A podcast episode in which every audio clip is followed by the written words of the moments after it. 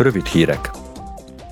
Az Európai Parlament negyedévente monetáris párbeszédet folytat az Európai Központi Bankkal. Tegnap került sor az idei negyedik találkozóra. A Gazdasági és Monetáris Bizottság tagjai Christine Lagarde-dal, az Európai Központi Bank elnökével egyeztettek. A mostani párbeszéd rendkívüli kihívásokkal terhes gazdasági környezetben zajlott. Nagy a bizonytalanság és erős az inflációs nyomás.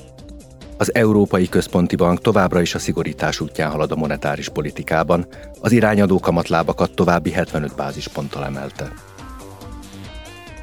A regionális ügyekkel foglalkozó szakbizottság tagjai holnap Vitali Klicskóval, Kiev polgármesterével találkoznak, hogy megvitassák az ukrán főváros jelenlegi helyzetét. Az Ipari Kutatási és Energiaügyi Bizottság tagjai pedig az uniós energiaválság legfrissebb fejleményeiről kérdezik majd Kadri Simpson uniós biztost. A koronavírus világjárványjal foglalkozó parlamenti különbizottság ma újabb meghallgatást tart, hogy szakértői vélemények és személyes beszámolók alapján tudja felmérni a világjárvány társadalmi-gazdasági hatásait. A különbizottság ezúttal arra összpontosít, hogy a különböző korlátozások hogyan érintették a nőket és a társadalom kiszolgáltatott helyzetben lévő csoportjait. Megvizsgálja továbbá, hogy hogyan működnek az Európai Unió gazdaságát jelenleg támogató mechanizmusok, amelyek segítségül hívhatók egy esetleges újabb világjárvány kitörésekor.